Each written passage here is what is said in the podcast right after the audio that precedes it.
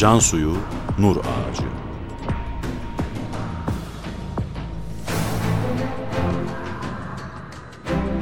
Metin Yusuf Ziya Özkan. Yöneten Ömer Parlak.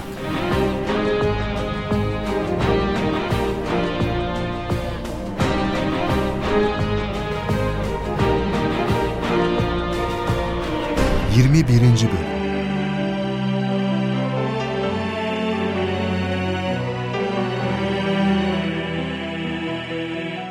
O dönemde Çamlıca'da kalmaktadırlar. Bediüzzaman Üsküdar'a gemiyle geçtikten sonra Çamlıca'ya kadar yürümektedir. Halk nasıl yaparsa öyle yapmaktadır. Bir gün yanından geçen bir faytonda yeğeni Abdurrahman'ı fark eder. Abdurrahman amcasının kendisine emanet ettiği parayı gönlünce harcamaktadır.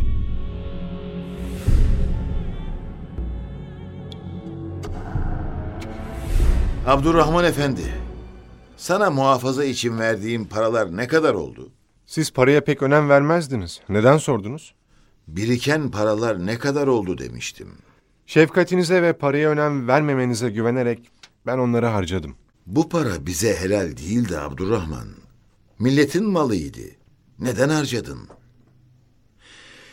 Madem ki öyledir, ben de seni harç vekilliğinden azlettim.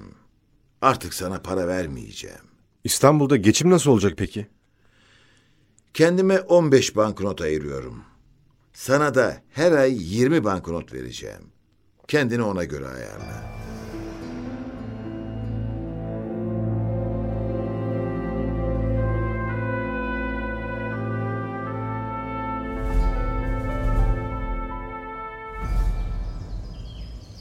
Duydum ki seni harç vekilliğinden azletmiş. Doğru. Azletti. Şimdi bana ayda 20 banknot veriyor. Kendine de 15 banknot ayırıyor. Umumi masrafları paylaşıyor musunuz? Hayır. Umumi masraflar kendine ayırdığı 15 banknottan yapılıyor. Milletin parasını millete nasıl verecek? Eserlerinden 12'sini bastırmaya karar verdi. 700 banknotu bu işe harcadı. Eserlerini meccanen dağıtıyormuş, sattırmıyormuş. Maaştan ölmeyecek kadarı bana caizdir. Bu suretle fazlasını millete iade etmiş oluyorum diyor. Darül Hikmet azalığı kolay değildir. Dayanıyor. Demir gibi dayanıyor. Yabancı etkilerine asla boyun eğmiyor. İngiliz'in istediği fetvayı vermedi. Kuvayi Milliye'yi vatan haini ilan etmedi. İslamiyet'e bir zarar verilmesine katiyen izin vermedi. Onu rahat bırakmazlar. Bediüzzaman kefenini boynuna takmış ve ölümü göze almıştır. Anadolu'ya geçmesi daha uygun olmaz mı? Bu konu kendisine bildirildi. Ee, o ne cevap verdi? Şöyle dedi.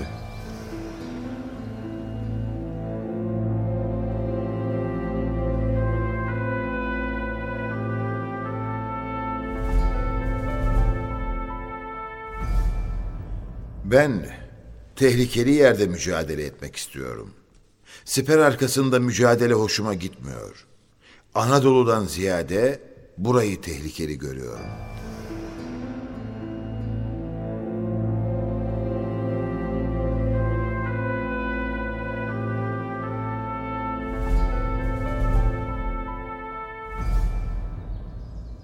Yanında Kur'an-ı Kerim'den başka kitap bulundurmazmış.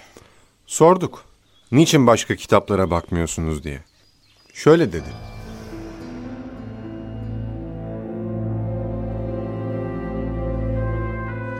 Her şeyden zihnimi tecrid ile Kur'an'dan fehmediyorum. Kendi eserlerinden bir şeyi tekrar almamız icap etse aynen almayı tercih ediyorsun.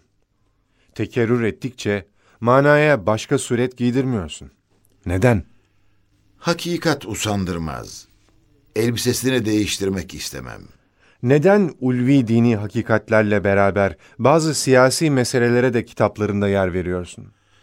Çocuğa ilaç içirmek için bir şekerleme gösterilir. Ta ki ağzını açsın, ilaç öylece içirilsin. Efkar-ı amme siyaset için ağzını açmış bekliyor. Ben de tiryakı içirmek için bazen siyaseti de zikrediyorum.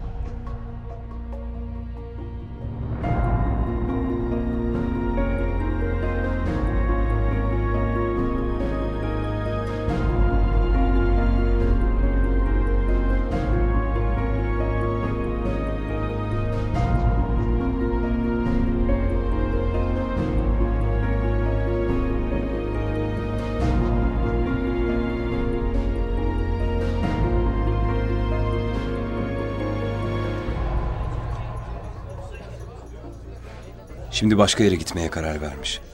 Darül Hikmet azalığından ayrılacakmış. Çok maniler varmış. İş görmek pek müşkülmüş. Daha fazla yapamayacak. Bazı şeylerden çok sarsılmış gibi. Neden bu kadar sarsıldı?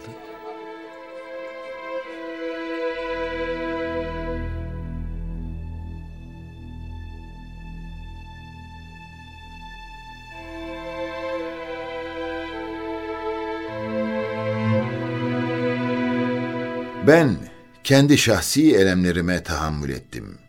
Fakat İslam aleminin elemleri beni ezdi. İslam alemine inen her bir darbe önce kalbime iniyor. Onun için çok sarsıldım. Fakat bir ışık görüyorum ki elemleri unutturacak inşallah.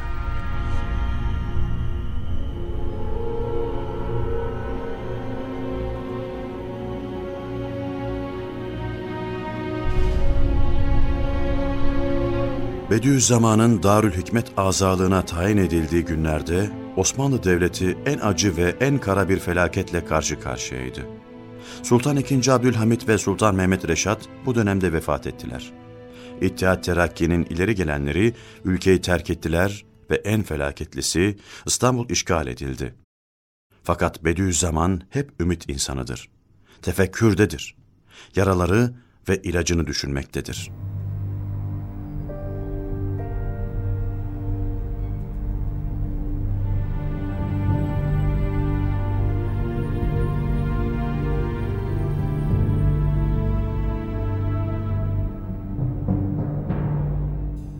Esaretten geldikten sonra İstanbul'da Çamlıca Tepesi'nde bir köşkte merhum biraderzadem Abdurrahman'la beraber oturuyorduk.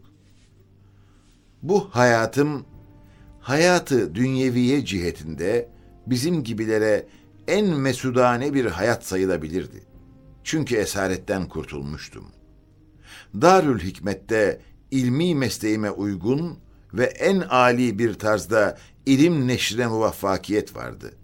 Bana teveccüh eden haysiyet ve şeref haddimden çok fazlaydı. Mevkice İstanbul'un en güzel yeri olan Çamlıca'da oturuyordum. Hem her şeyim mükemmeldi. Dünyada herkesten ziyade kendimi mesut bilirken aynaya baktım, saçımda, sakalımda beyaz kıllar gördüm.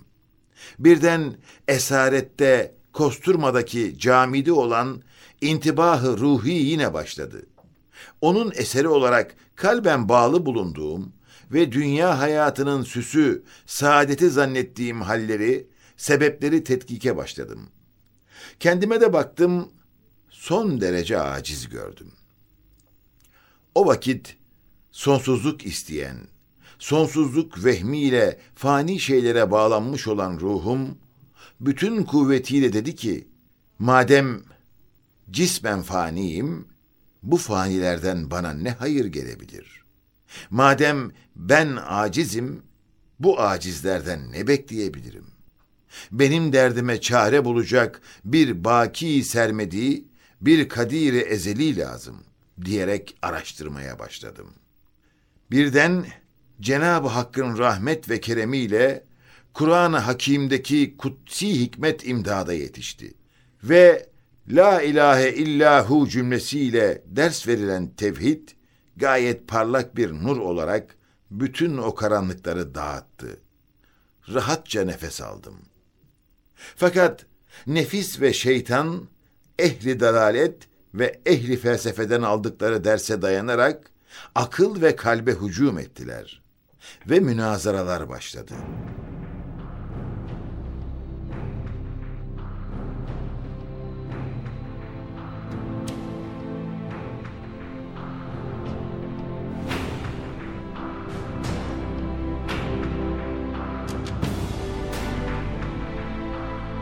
Bu münazaralar kalbin zaferiyle neticeleniyordu. Çok risalelerde kısmen o münazaralar yazılıyordu. Çamlıca tepesindeki köşkten ayrılarak Sarıyer Fıstıklı Bağlar Sokağı 18 numaralı ahşap evde inzivaya çekilir. Bunun sebebini de şöyle izah eder.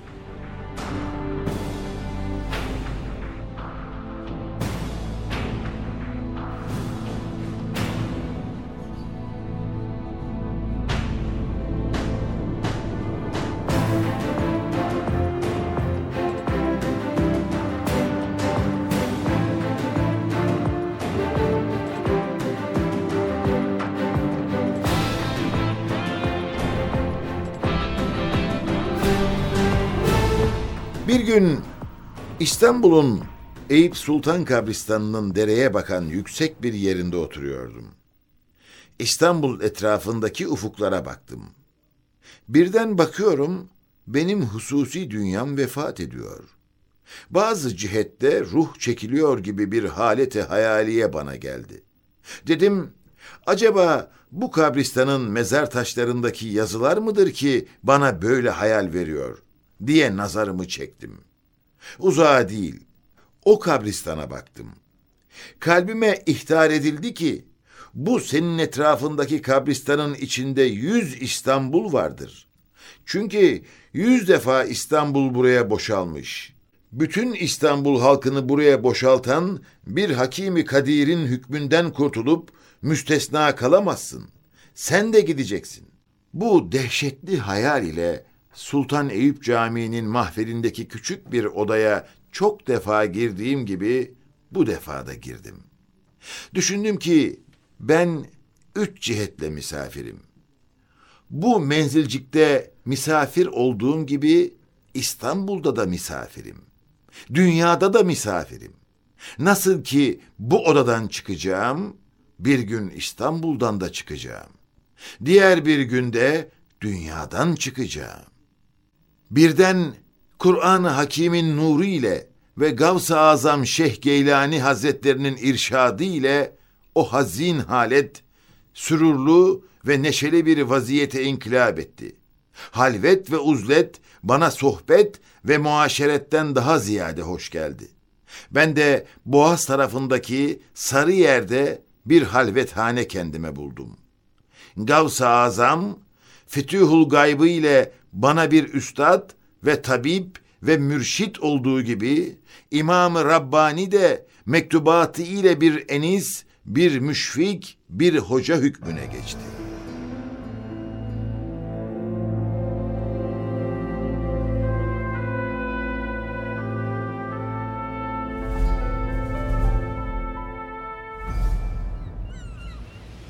Aslanım be. Anglikan papazına cevap işte böyle verilir. Senin hutuvatı siteden haberin var mı? İngilizler divin divin onu arıyorlar. Tek başına Yuşa tepesine çekilmiş. Yeğeni Abdurrahman bile yanında değilmiş. Darül Hikmet'ten tamamen ayrılmış. Darül Hikmet diye bir şey de kalmadı ki zaten. Son yazılarında daha çok ihtiyarlık ve ölüm meşgul ediyormuş Fehmi'ni, düşüncesini. Bence dünya hiç yaşamadı ki dünyadan çekilsin. Hangi zevke kendini teslim etti? Bir tek örnek verebilir misin bana? Şöyle diyor. Bu ifadelerdeki zevke ne denir, nasıl denir, karar senin.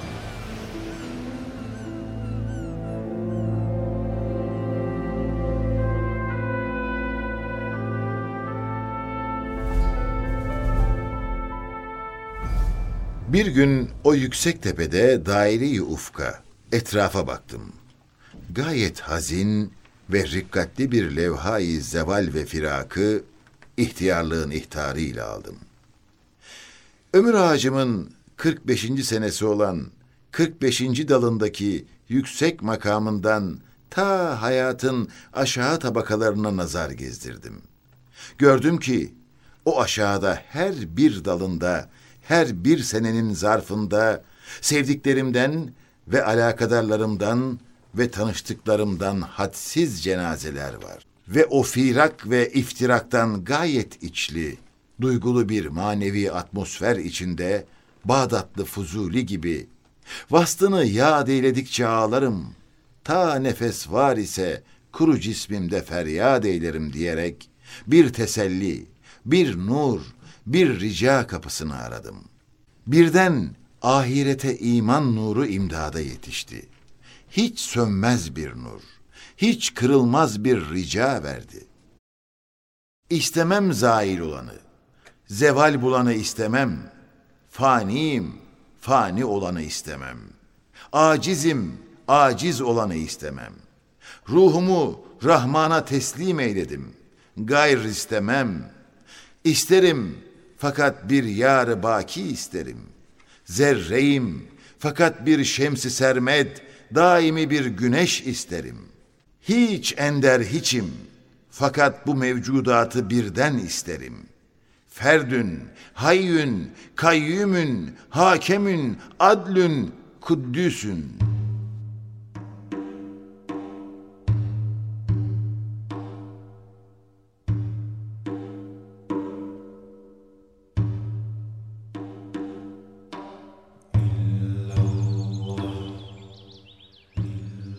Yuşa tepesinde Cevşenül Kebir'i kendisine virt edinmiş. Cevşenül Kebir de ne ki? Kelime anlamı olarak büyük zırh demek.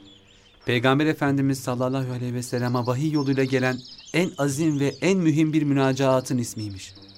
Bu harika münacaat, marifetullah'ta terakki eden bütün ariflerin münacaatının üzerindedir. Bin hasiyeti olan, bin hususi faydası bulunan ve bin esma-i hüsnayı içine alan emsalsiz bir peygamber münacaatıymış. Bediüzzaman'ın ufkuna yetişebilmek çok zor. Bambaşka biri o. Bambaşka. Bambaşka.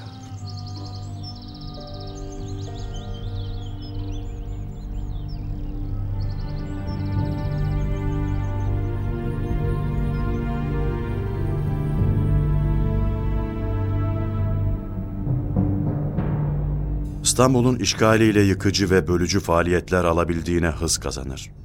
Rum, Ermeni, Yahudi, Necdi ve Nasturi azınlıklar çeşitli teşkilatlar kurarak Türkiye'nin haritadan silinmesi çalışmalarına girerler. Şark meselesi planına göre Türkler, insanlığın insan olmayan numuneleridir. Ya Orta Asya bozkırlarına sürülmeli ya da Anadolu'da imha edilmelidir. Bu gelişmeler Bediüzzaman'ı derinden etkiler hadiselerin verdiği yeisle şiddetli ıstıraplar içindedir. Ve bir sadık rüya görür. Bir cuma gecesidir.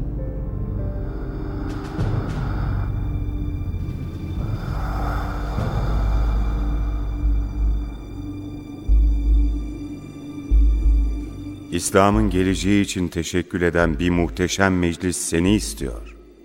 Nerede? Hazırsan buyur gidelim. Gidelim.